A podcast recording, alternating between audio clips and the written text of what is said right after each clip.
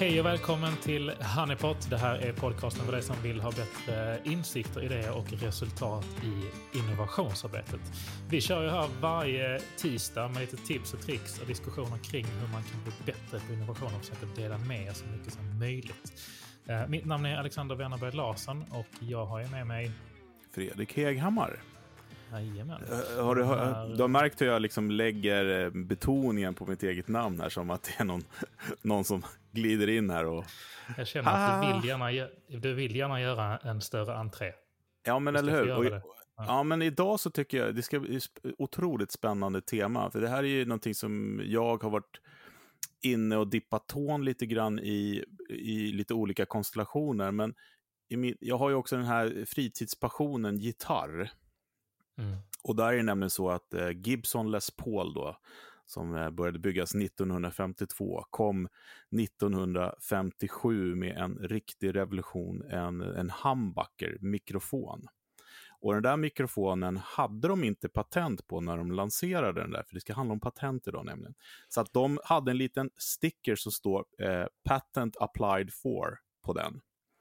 Och den är de mest mytomspunna mikrofonerna du kan få tag på. De kostar ungefär 40-50 000 kronor eh, om man hittar dem lösa, vilket man aldrig gör. Och ska du köpa en gitarr så får du betala 4-5 miljoner. Eh, men just det här med patent applied for, liksom, eh, som då kallas för PAF-mikrofoner. En liten anekdot bara sådär. Snyggt. Ja, men vi ska ner i kaninhålet idag. Precis. Vi har ju en eh, fantastisk gäst med oss här idag, Jonas Hagman. Välkommen, eh, välkommen till Honeypot, Jonas. Tack så mycket. Det ska bli väldigt kul här att prata eh, patent och eh, allmänt immateriella tillgångar i, i relation till eh, innovation. Det, man kan säga att det är lite som eh, eh, bin, bin och honung, man hör ihop. Ja, du ser ju. Till och med. Apropå hives. Exakt. och honeypot. Men, eh, men, Jonas, eh, du jobbar ju med IP och eh, patent idag. Hur kom du in på den, i den svängen? Ja, men det, som det flesta, mesta i livet, det var en slump.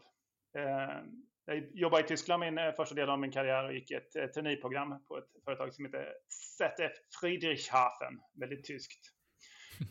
och efter det där programmet fick man söka sina tjänster och då fanns det en tjänst ledig. En av få tjänster som fanns lediga fanns på patentavdelningen. Så sökte jag den och fick den. Och sen blev jag kvar. Spännande. Vad, vad, vad var det som fick dig att fastna för den, eh, för den frågan? Då? Ja, men det, det intressanta med eh, man jobbar med, som, med rådgivning inom eh, patent är att du får träffa så många olika kunder och träffa dem eh, när de jobbar med, med sina, sina nästa produkter i en väldigt tidig fas. Eh, och det som de håller hemligt för alla andra så spiller de ut över dig för att du ska förstå och kunna förklara det och, och få ner det i en, i, i patentansökan då, som, som, som ska skydda deras affär eh, i framtiden. Och, eh, jag, kan också, jag drog en liten anekdot med gitarr där, men jag har en, en, en, annan anekdot. För när jag började, jag gav mig in i den här multimediavärlden som det hette på den tiden och jobbade som webbdesigner på en byrå som hette Prepage. Eh, och våra eh, flesta kunderna vi hade var patentbyråer i Stockholm. Eh, och jag kommer ihåg när jag kom in i den världen, eh, för att jag själv är alltid sån här, om man tittar på mina barndomsteckningar så är det mer ritningar än, det är liksom blueprints. Och jag gick ju en teknisk eh, utbildning och höll på med flyg, så jag har gjort mycket sån här ritningar. Jag tycker just den här ritningskonsten är väldigt härlig och, och sånt. Men, men just de här patentgubbarna, eh, för det var nästan bara gubbar, eh, hade, alltså jag tyckte det var så fascinerande för att liksom, jag skulle inte kunna tänka mig ett mer kreativt jobb än att hitta, alltså jobba på en patentbyrå. Men de hade ju väldigt problem med, med, eh, med att få in unga människor. Som, som, för de, folk tyckte att det var en mossig värld, men när man väl kom in i den så man bara shit, alltså här vill man ju jobba. Det är ju helt fantastiskt. Just precis som du säger, att man får en grej och sen ska man vrida och vända på den och titta på, kan det bli något annat? Vad kan vi använda här? Vad ska vi täcka? Det är otroligt kreativt arbete. Ja, men precis. Det är, den kreativa delen är ju oftast underskattat, för det, det ses ju som ganska mossigt och det är långa texter och så. Och det är en kombination av att hitta det här kreativa och förstå uppfinningen och kunna bredda den så att man kan formulera den för det här breda skyddsomfånget som, som de flesta vill ha. Då. Mm. Eh, samtidigt som du sen, när du väl har gjort det, måste du vara fokuserad på, på det juridiska så att du faktiskt får ner det där och, och får stöd för allting du vill ha stöd för då, i, i den här texten. Ja, men precis. Och eh, sen fick jag ju smaka på eh, liksom, hur, hur det var att jobba in action med det där när jag var på Google. För där var det ju när vi, ja, egentligen alla lösningar vi tog fram, eh, liksom, togs via patentavdelningen. Vi hade ju ett helt plan där med folk som satt och bara köttade liksom och, och, och, eh, tittade, kan vi ta patent på det här? För det var ju det var en, eh, en, en, del av strategin där. Och det var också det som var så många som skrattade åt Google när de köpte Motorola. De bara, köper det där liksom företaget på, på ruinens brant liksom. Och sen så sålde de det ganska snabbt igen, men de behöll alla patent. Ja, precis. Ja, det där var ett klassiskt exempel då när, när det begav sig. Jag kommer inte ihåg exakt när de köpte det där. Eh, det har du säkert bättre koll på. Då. Ja, men jag tror att det var för åtta år sedan någonstans, sju, åtta år sedan inom patentkretsar att mm. de köpte det, eller inom, allmänt inom IP, att de köpte det för patentportföljen. Mm. Eh, inte för eh, resten av inkråmet, så att säga. Mm. Men en grej som jag undrar över, eh, det är väl det här med när, när kan man ta patent på saker och ting? För visst är det också lite grann, lite regler kring, det får inte ha funnits på marknaden eller delats och sådana saker. Skulle man kunna reda ut de begreppen? För det är frågor som man får ibland. Framförallt vi då som jobbar med öppen innovation i företag. Liksom. Är det så att när man gör det, kan man ens ta patent på idéerna? Det undrar jag. Precis, men där, vi, låt oss, vi kan ta dem eh, först här om eh, liksom, när går det att patentera och vad är kriterierna? Och sen tycker jag vi ska återgå till öppen innovation och lite hur man ja. hanterar det, eh, för det är ju superintressant. Jättebra. Eh, och eh, just patenterbarhetskriterierna, det är egentligen tre stycken. Och det är, ett, det ska vara industriellt applicerbart. Och inom uppstår uppfinningen inom industrin är det sällan ett, ett problem, utan det är industriellt applicerbart. Det finns en, någonting, eh, man kan få ut det på marknaden. Men sen de två huvudkriterierna, de som bedöms mest och som tvistas då, eller som diskuteras mot Patentverket, det är att uppfinningen ska vara ny. Och med ny så menas det en, något som kallas absolut nyhet. Att det räcker med att det är publicerat en gång någonstans på något språk. Aha. Så är det inte nytt längre. Och vad räknas som en publicering då? Är det på intranätet på ett företag? Är det en publicering till exempel? Det, ja, precis. Det ska vara allmänt tillgängligt. Så intranätet okay. räknas som, som en intern kommunikation. Allt som står på intranätet kommuniceras ju inte ut externt. Så det, mm. det räknas inte. Utan om det är utanför företagets väggar, utanför sekretessväggar. Mm. Men kan, man kan också, samtidigt så hårdras det så att om du publicerar på en, en fysisk anslagstavla i den mån mm. det finns idag, och den anslagstavlan går att se in på utifrån. Just det. skulle det i teorin då räknas som eh, publikt tillgängligt. Ja, och externa resurser under NDA då eh, räknas inte som publikt heller. Nej, precis. Nej, det, det är också en viktig grej att tänka på när man då som vi jobbar med några workshops och sånt, att man har NDA på de som är med, som man tar in just för att, för att kunna skydda sig.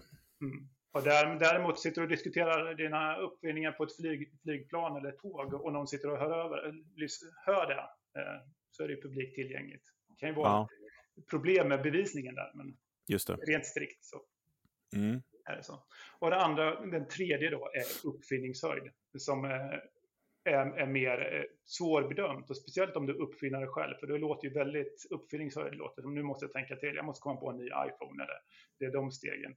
Eh, men uppfinningshöjd finns en väldigt, det ett, finns ett försök att objekt, göra den bedömningen objektiv. Då. Och det. det. Patentverket gör, det, den standarden som är hos EPO är när man bedömer uppfinningshöjd är att den fackmannen som ska bedöma det här, den teoretiska fackmannen, har tillgång till alla dokument i hela världen. Mm. Och kan den utifrån det mest närliggande dokumentet och den uppgiften som uppfinningen ska lösa, hitta ett annat dokument som löser har det särdraget, då, det tekniska särdraget som uppfinningen består av, löser den här uppgiften och kombinerar de två, ja, då, mm. då har det inte uppfinningshöjd. Men finns inte den kopplingen så, så har det uppfinningshöjd. Och Men, upp, uppfinningshöjd har ingenting med innovation att göra heller egentligen, eller hur? Ja, innovation är ju egentligen lyckas ta en produkt till, eh, till marknaden och göra det kommersiellt i, i min mening. Ni kanske har en Ja. annan, eh, men Nej, nej, nej, absolut. du behöver, absolut. inte kunna vara, du behöver inte ha en patenterbar idé. Den behöver inte ens vara ny för att Nej. skapa innovation. Nej, men alltså, att, där. ja, exakt. Men i våran värld så är ju det, vi, det finns ju några hinder när vi jobbar, det är ju just det här med att folk inte har definierat innovation och att egentligen så 99% av fallen så är det affärsutveckling eller produktutveckling. Men också att det finns ju eh, en väldig koppling hos gemene man att innovation är uppfinningar. Och också då eh, skapa det här eh, lite stigmat kring att det är gråhåriga män i vita rockar som håller på med det. Eh, och det var därför jag tänkte det vore härligt nu när vi har en specialist på tråden att en gång för alla säga att det har inte med varandra att göra egentligen. Men de kan ju, kan ju gå hand i hand om man vill. Ja, men innovation innebär ju ofta att det, det finns en hel del uppfinningar eh, i innovationen om det är teknisk innovation. Men eh, de eh, har nödvä- nödvändigtvis inte med varandra att göra. Men det här med öppen innovation då, om vi säger så, de här olika lagren som vi då som jobbar oftast med öppen innovation i organisationen. Om jag har förstått då den tolkningen så är det kanske inte lika problematiskt, men när man öppnar upp utåt, när man gör hackathon till exempel eller så. Precis, ja, men öppen innovation, eh, bara för att, så att vi definierar så vi pratar om samma sak. För mig är det ju, betyder det just som du säger, kanske inte internt då, eh, utan då är det ju fortfarande ett internt projekt. Men öppen innovation handlar ju om att det är flera samarbetspartners som kommer utifrån, som kanske har olika intressen i, i, i slutändan, olika kommersiella intressen, men, eh, men på något sätt samarbetar i, i ett innovationsprojekt. va? Ja, eller till exempel våran produkt då, Hives då, som vi kan öppna upp till exempel en idéinsamling eh, Mm. så att det liksom är öppet för allmänheten. Man kan ha medborgardialoger etc. Och sånt. Så att, absolut. Precis, och där, där kan vi få frågan om varför behöver man ens patent nu? Det är ju öppen innovation som gäller, alla delar allt. Och det, det säger jag, men så, så fungerar det inte, utan eh, IP blir ännu viktigare att ha koll på sin IP i ett öppet innovationsprojekt för att eh, man ska kunna komma in där i en sammansättning, alla har olika slutintressen, eh, så gäller det att för att starta så måste förutsättningarna vara. Vad har jag med mig in? Det måste vara definierat. Vilken kunskap, vilken IP bidrar jag med in i det här projektet? Eh, och den tillhör mig, så att det är tydligt. Och det måste ju alla, alla parter göra. Och sen måste vi på ett sekretessavtal, att det vi gör inom den här gruppen, det, stannar, det som görs i innovationsgruppen stannar innovationsgrupp, in, inom innovationsgruppen tills Ja. det är publikt på annat sätt. Då. Så att man har tid att fatta de här besluten om man ska lämna in en patentansökan eller vad man vill göra med det. Så att man har fortfarande sin marknadsfördel genom att vara först och, och liksom kunna lämna, eh, lämna in patentansökningar. Eller, eller vad det kan Precis. vara. Men jag tänker då att eh, om jag går tillbaka till det här som vi började prata om med eh, det här publikt. Alltså Mm. om man gör en publik idéinsamling så är ju by default egentligen då det publicerat, det som kommer in, om alla kan se det. Ja, om det är publikt och alla kan se det, liksom verkligen massan kan se det, men du kan ju ha en, en öppen innovation i men, men gruppen som jobbar i den öppna Ja, innovationen. ja, så när alla har NDA, ja alla precis. har ett, Ja, ett, ja, NDA, ett, ett sekretessavtal. då. absolut. Eh, och då är det ju inte publikt, utan då Nej. är det ju en, en dedikerad grupp som jobbar med det här. absolut, absolut. Mm. Ja, det är är, viktigt att få det på plats. Att, ja, men, som sagt, det som, som händer i innovationsgruppen stannar i innovationsgruppen. mm. Och då skulle man kunna ha det som exempelvis villkor då för att delta kanske i den här tävlingen eller hackathonet. Då, att man, Det skulle jag säga att det skulle vara en, en, förutsättning. Definitivt eh, skulle jag absolut rekommendera. För Mm. Om det kommer fram någonting som de som anordnar det och som har troligtvis då får eh, rättigheterna till, eh, till det, det som kommer fram så vill de ju göra någonting med det. Det finns en anledning till att de arrangerar det. Och då, om det nu är patentsöka eller på något sätt eh, ta ut det på marknaden så vill de ju ha, ha de rättigheterna och troligtvis inte att det ska avslöjas i förväg vad det är. Jag tänker på någonting som har blivit väldigt eh, populärt de senaste åren, eller ett eh, bra antal år, speciellt inom kanske teknik och produktvärlden som vi jobbar mycket eh, inom, är open source. Hur eh, eh ser man inom IP-patentvärlden att det är lite grann sådär motpolen till IP-patent, eller finns det någon... Jag har sett att många open source går kanske under så här, ändå under olika så här MIT eller Creative Commons-licenser och så vidare. Hur? Ja, precis. Ja, men open source det är precis samma sak där. Och båda på open innovation och open source är ju missvisande, eller tolkas ju lätt som att det är fritt fram för alla att dela och göra vad de vill med det. Men det är ju inte så, Mm. utan även open source är ju oftast väldigt tydliga eh, licensavtal. Ska du använda den här öppna koden så ska du nämna eh, vem, vem, du har fått den ifrån. Vissa får inte mm. användas i kommersiella syften eh, Eh, och massa olika kriterier. Eh, men oftast, eller de är gratis då, men det finns andra kriterier som man ska uppfylla. Så att eh, som utvecklare så är det extremt viktigt då, det är att ha koll på vilka open source-snuttar eller programdelar har du i din, din totalkod. För har du inte koll på det så är det risk att du bryter mot något av de här licensavtalen och du får inte ens din, din programvara får inte ens använda kommersiellt som du har tänkt dig. Eh, och det är jätte, jättebra tips. Eh, man har ju genom åren varit med om just det där med att, eller om man säger så här, eh, backa lite. Programmerar-communityt är ju helt fantastiskt. Jag menar, hade, hade inte de här människorna suttit och delat med sig av sina koder runt om i hela världen faktiskt, det, det, det är ett fantastiskt community. Då hade inte världen sett ut som den gör idag. Eh, men det, det, skapar ju också komplikationer, precis som du säger, när man ska ta patent och sånt. Och jag brukar i alla fall eh, uppmana folk när de bygger saker, produkter, tjänster och sånt, precis som du säger, att ha, gör någon form av dokumentation på eh, i stora drag i alla fall var du får saker och ting ifrån eller vad du tar, så kommer det underlätta sen. Ja, men det är jätteviktigt. När vi har rådgivning och just jobbar med företag som har programvara och så eh, är just att de måste ha den här listningen av open source-delar de använt så att vi kan gå igenom de licensavtalen så att de uppfyller, uppfyller dem och inte hamnar i trubbel. Mm. Eh, jag har en liten fråga kring, när, när, man jobbar på ett företag, då, man jobbar med innovation, alltså internt, eh, och så tar man patent då, till exempel som Google. Eh, jag har lite patent med Google, men det är ju de som har patenten, men det är ändå mitt namn som står. Hur, fun hur funkar det där? Ja, men det är så, ett patent måste ha, eh, eller en uppfinning måste ha en uppfinnare. Mm. Och det är, ofta, eh, är ju en fysisk person. Just okej, okay, det är så och, det är kopplat. Mm. Och det kan vara flera. Och uppfinnaren, i och med att den är anställd, så tillfaller rätten till uppfinningen tillfaller företaget. Mm. Eh, oftast då, om vi ska förenkla det lite. Eh, så då står uppfinnare, eller företaget står som sökande på patentet och ägare till rättigheten. Men uppfinnaren står nämnd som uppfinnare. Ja, lite cred helt enkelt, inte mer ja, än så. Precis. Eh, och i Europa så är det mycket av en formalitet. Eh, och man kan avsäga sig, inte uppfinnarskapet, för det, går liksom inte att avsäga sig. Eh, däremot kan man avsäga sig rätten att bli nämnd som mm. uppfinnare. Okay. Vilket är väldigt ovanligt. I USA mm. så uppfinnarna en viktig, ännu viktigare liksom, formell roll. Att uppfinnarna är inte korrekt nämnda i patentet mm. så kan hela patentet falla. Ah, okay. ah. Så det kommer till en domstolsprocess kan det vara så att man behöver faktiskt kunna identifiera var, vilka delar i det här eh, patentet eh, har vilka uppfinnare, om det är flera uppfinnare, då, faktiskt varit med och bidragit. Och har man mm. missat det här och liksom inte, eller gjort fel eh, så, så kan hela patentet falla på det. Mm. Så det är en viktig eh, fråga att ha koll på. Ja, jättebra. Eh, det var bra att vi redde ut den. Eh, jag tänker också det här med Eh, som sagt, jag ska inte hålla på och tjata om Google, men det var ju så att eh, där har, har man ju en organisation som då, vi fick ju bonus för att vi kunde ta patent på våra idéer, eller våra uppfinningar då, som det är så fint, låter så stort med uppfinningar. Men det var ett bonussystem så att det fanns också ett incitament att verkligen försöka komma på då, eh, liksom uppfinningar då. Eh, hur är det i i, i organisationer i Sverige? Är det här någonting man liksom gör för att man måste eller finns det, hur, hur ser det ut egentligen på våran marknad som är närmast oss, liksom det här med mm.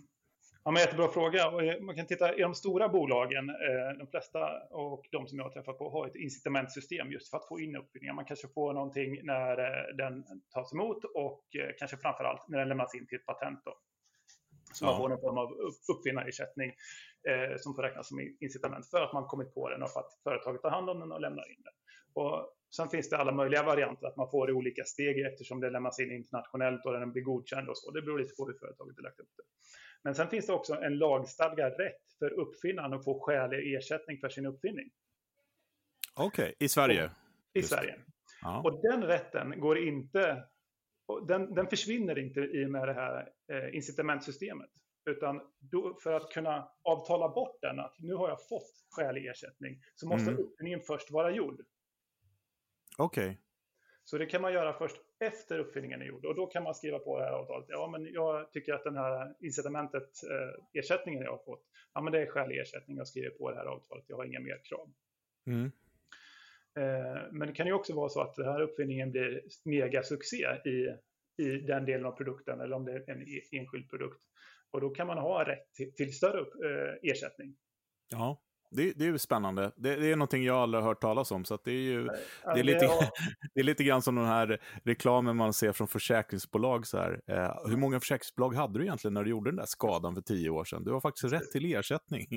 Men, men sen ska ju sägas att i de flesta fall eh, så är det här incitamentsystemet det är mer än skälig ersättning. Ja. För uppfinningarna har inte alltid i de, i de stora bolagen den Nej, stora impacten. Då. Eh, Eh, jag har en, en, en, annan liten fråga. Eh, vi har ju det här Hives innovationsplattformen där liksom vi jobbar just med att kunna administrera innovationsarbete eller initiativ.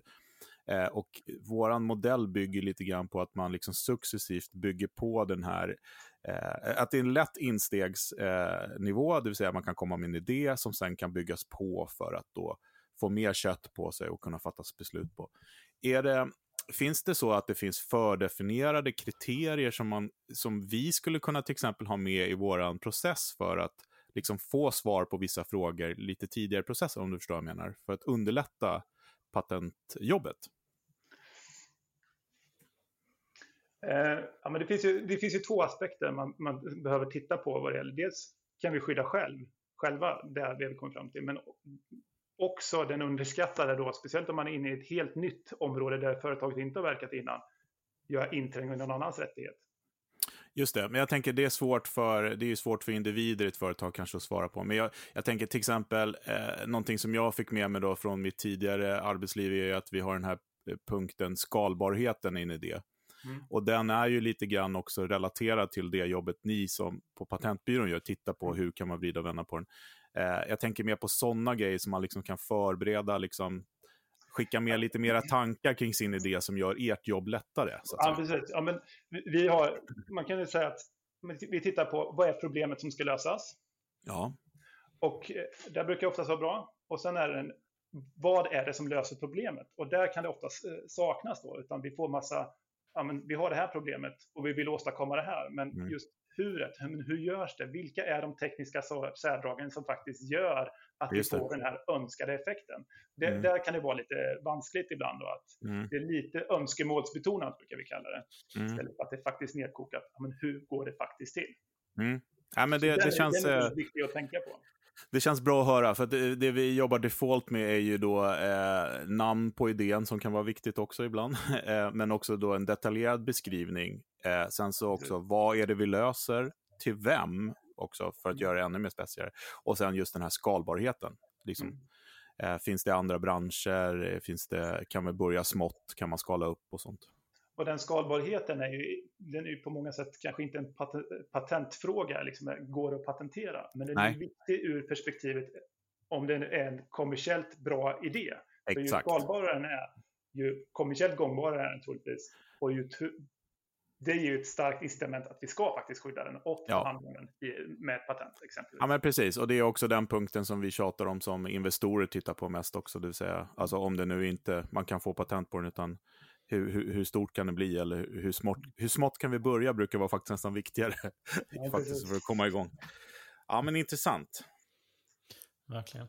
Jag tänker på eh, det som ofta utspelas i, speciellt när man inte är inne i IP och patentvärlden själv, men man ser det ju utspelas på den stora globala arenan med jämna mellanrum och där Apple och Samsung stångas mot varandra uppe i rätten och stora artiklar skrivs om vilka miljardbelopp de ska stämma varandra på och så vidare. Mm. Vad, vad är det som oftast vad är det som oftast går fel där? Är det, liksom, är det en varumärkesmaktkamp som utspelas bara? Eller gör de här stora bolagen liksom misstag på sådär löpande band?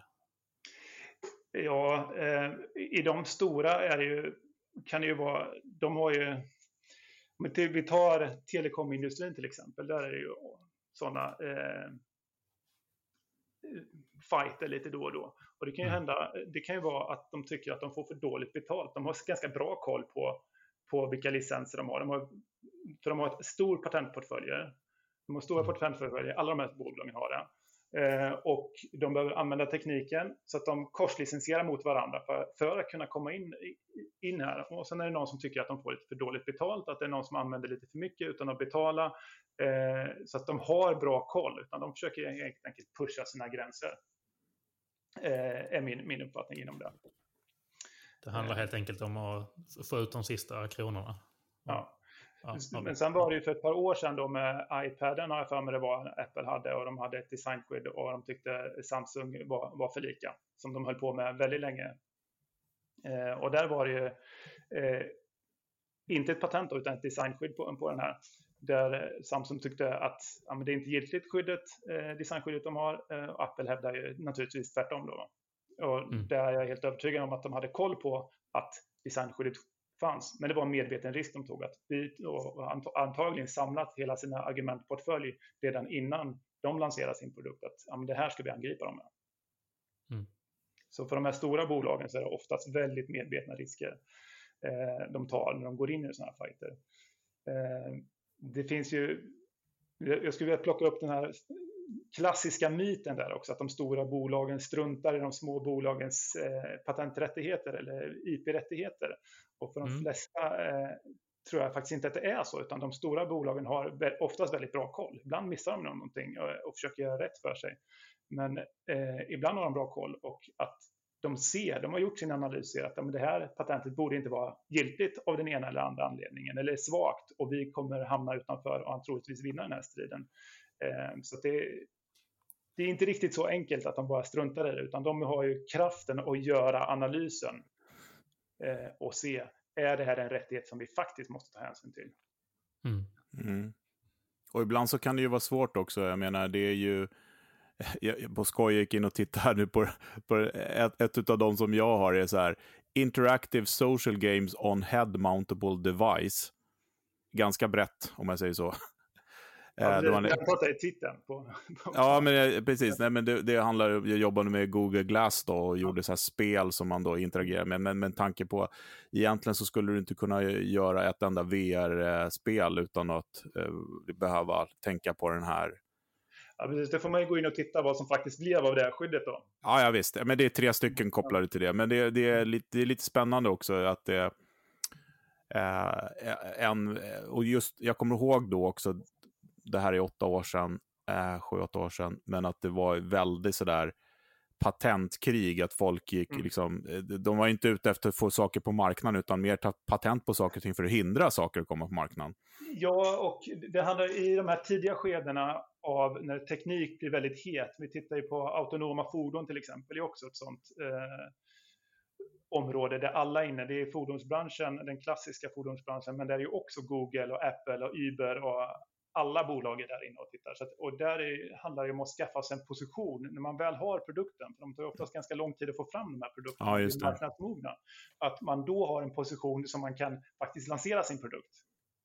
Mm, mm. Eh, och genom att både att man har lite kärnrättigheter eh, som, som skyddar sin produkt, men också att man kan korslicensiera dem med, med konkurrenterna som också skyddat i det här eh, getingboet av, av olika rättigheter som man måste hänsyn till. Så att, så att alla, alla får ut sina produkter. Men för att man inte ska gå, gå barskrapad ur när man ska sätta sin produkt på marknaden och måste betala in, köpa in alla de här licenserna då, så behöver man skaffa sig sin egen position på den här marknaden. På Just det. Och jag tänker också på, det jag faktiskt tänkte på, det var det exemplet med uh, den här streaming-patentet. Av st streamat media som lämnades in på, jag tror, mitten på 90-talet. Någon som hade liksom ritat upp en modell och tagit patent på hur man streamade på internet. Som nu alla får betala ganska mycket licens till som streamar. Eh, och det var liksom en liten figur bara som visade hur det gick till. Liksom. Ja, precis. Ja, men det var innan på 90, mitten av 90-talet så har det i alla fall gått ut nu. Så det var ju skönt för alla. Ja, jo, men det var... Det... Koll på det. Ja. det är ju så. Är du tidigt ute inom en helt ny tekniksektor så kan du få de här oerhört breda patenten. Mm. Om det är ingen annan som har varit där och spelat, det är väldigt lite annat att ta hänsyn till vad det gäller de här bedömningskriterierna, nyhet och uppfinningshöjd. Mm. Och där tycker jag också de, eh, i alla fall min, min syn på det, att företagen som tar patent har ju en rikt, vikt, väldigt viktig upp, uppgift också hur de vill göra med dem. Jag tänker på Tesla då som öppnar upp och låter folk använda det och liksom driver utvecklingen med sina patent istället för att hindra utvecklingen. För det är ju lätt hänt att man hindrar utvecklingen. Liksom. Ja, men jag, precis, man, man, hindrar kanske inte utvecklingen, ska jag inte vilja påstå, för, utan eh, det man hindrar är ju att någon annan kan sätta produkten på marknaden då, om man, om man inte vill ge ut licenser utan faktiskt blockera. Mm. Eh, att utveckla det där vidare är ju fritt fram och hitta lösningar och gå runt det där. Det är, det är sant, men, men jag menar just det, Eller få ut saker på marknaden. Kommersialiseringen, precis ja. av det. Ja, mm. ja precis. Ja, men möjligt, mm. Möjligtvis så hindrar man kommersialisering av precis den, mm. den, den varianten. För Teslas del handlar det ju om att de låg först, ingen annan hängde på. De måste få ut fler Eh, Eh, jag tror det var en ren självbevarelsedrift att få ut fler och faktiskt använda de här så att det är fler som hjälper till att bygga, eh, bygga eh, laddningsnätverk. Absolut, och, men, jag, men, men jag, tror, jag tror för gemene man så var ju det också, det var ju eh, perfekt marknadsföring och allting också. Ja, för att fram tills dess så hade man ju mera hört folk som blev stoppade att få saker på marknaden än faktiskt ja. ett bolag som bara, varsågod, vi sitter i samma båt, använd ja, våra patent. Superbra marknadsförings... Ja, verkligen. Och det har ju också lett till att utvecklingen inom eh, elbilar har ju exploderat, så att eh, all heder åt dem. Precis, eh, även om jag, jag tror, tror, inte vi kan kanske koppla allting till den här patentportföljen. Nej, nej, nej, nej, nej, nej, men det är en del av, av det holistiska perspektivet. Ja. Ja. Nu ska du inte ge Elon allt, Fredrik. Nej, det gör jag inte heller. Jag ger hans team allt. Ja, jag tror inte att det är Elon som står på de där patenten faktiskt. Nej, jag tror inte heller det är han som gör allting. Där. Mm. Grymt. Det har varit eh, superkul att ha med dig eh, Jonas i det här. Superintressant att snacka IP-patent. Men innan vi eh, eh, rundar av här så ska vi eh, dra igång det som vi återkommer till varje vecka. Veckans goodiebag. Den kommer mm. här. Veckans goodiebag. Ja, det var veckans goodiebag. Grymt. Det var Fredrik som bjöd på lite kongas och eh, sång. Som han gör varje vecka inför veckans goodiebag. Och den här eh, veckan så har vi ju gett den, eh, den stora äran till eh, vår eh, fantastiska gäst, dig Jonas, att eh, bjuda på lite tips på vad man kanske ska fokusera på när man kommer till patent. Ja, precis. Och där är ju tipset egentligen att bredda upp tanken där på att det inte är bara patent som finns som skyddsform, utan att tänka Eh, Eh, utifrån det kommersiella perspektivet. Och finns, ser man en kommersiell framtid i den innovationen man har kommit på eh, så ska man titta på hur kan vi kontrollera den här på marknaden? Och då finns det ju flera verktyg eh, som vi, jag allmänt och lite slentrianmässigt kallar, kallar IP. Då. Det är alltifrån patent då, som är det vanligaste, eller det som oftast diskuteras. Men det finns ju också designskydd, varumärken kommer in här, upphovsrätt, men även att använda affärshemlighet. Då att man har en struktur för att ta hand om, om, om sin IP internt utan att behöva publik, publikgöra den. Så utgå från det kommersiella perspektivet. Har man det så kom, tar man hjälp för att titta på hur man kan kontrollera det här. Konkret och bra. Men jag undrar lite grann Jonas, eh, eh, hur ser, eh, där du jobbar idag, tar ni er an, kan man liksom höra av sig till er eller, eller hur funkar det liksom om man behöver hjälp med de här frågorna? Det är bara att höra av sig till mig eller någon av mina kollegor på Bergenstål Partners eh, och vi hjälper allt ifrån uppfinnare till medelstora bolag eh, men jobbar även med de stora då. Eh, mm. man kan säga att vår sweet spot i rådgivningen är just de här medelstora bolagen som inte har en egen patentavdelning. Mm. Vi kan komma in med, verkligen med rådgivning och hjälpa dem att få rätt sida på, på sin IP. Vi brukar säga att eh, vi vill hjälpa våra kunder att ta deras immateriella tillgångar från att vara legala tillgångar, vilket de oftast hanterar som, till att bli finansiella tillgångar. Så att man kan mm. faktiskt räkna på de här, att de bidrar till värdeutvecklingen i bolaget. Det är superbra. Gör ni också föreläsningar och inspiration, lite grann som det vi har pratat om nu för företag? Oftast, det är sällan vi gör det kanske direkt ut som, eh, som en enskild tjänst till, till eh, de som inte är våra kunder, utan oftast mm. gör vi det till kunderna. Men mm. om det är någon som kommer och bara vill ha en sån så gör vi det jättegärna naturligtvis. Mm. Superbra, för jag tror att det här är, det här är någonting som vi i Sverige eh, har... Ja, men jag tror man förbiser det här lite grann. Och det är väl också det jag har ju bott och verkat i USA och där är det ju någonting som är en del av vardagen hela tiden. Det är, det är nästan så att man skriver NDAs varje dag, liksom saker. Men, och här i Sverige så är det lite öppnare, på både gott och ont såklart. Men just den här biten som du representerar är ju någonting som jag tror skulle behöva tas hand om på, på lite fler bolag än de stora. Ja, men verkligen. Öka, just en NDA är en sån jättebra exempel. Att man dels ökar medvetenheten och inte behöver vara rädd för att skriva på ett NDA, utan det är en förutsättning för att, för att man ska vara öppen och kun, kunna vara öppen. Ja, exakt. Ja, vi diskuterar det här. Skriv ett bra NDA som tydliggör vad det är vi ska diskutera och att det är hemligt. Så kan vi mm. vara mer öppna med varandra och jobba framåt. Mm. Eh.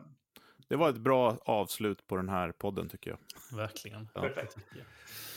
Stort tack för att du var med på det här Honeypot-avsnittet Jonas. Eh, vill ni som lyssnar komma i kontakt med Jonas så finns du väl tillgänglig på LinkedIn? Jajamän, det är bara Jonas att höra av sig. Ja. Jajamän. Eh, och vi säger till eh, er som lyssnar, eh, vi ses nästa tisdag. Så får ni ha det gott tills dess. Och tack för att jag fick vara med. Alltid. Ha det bra.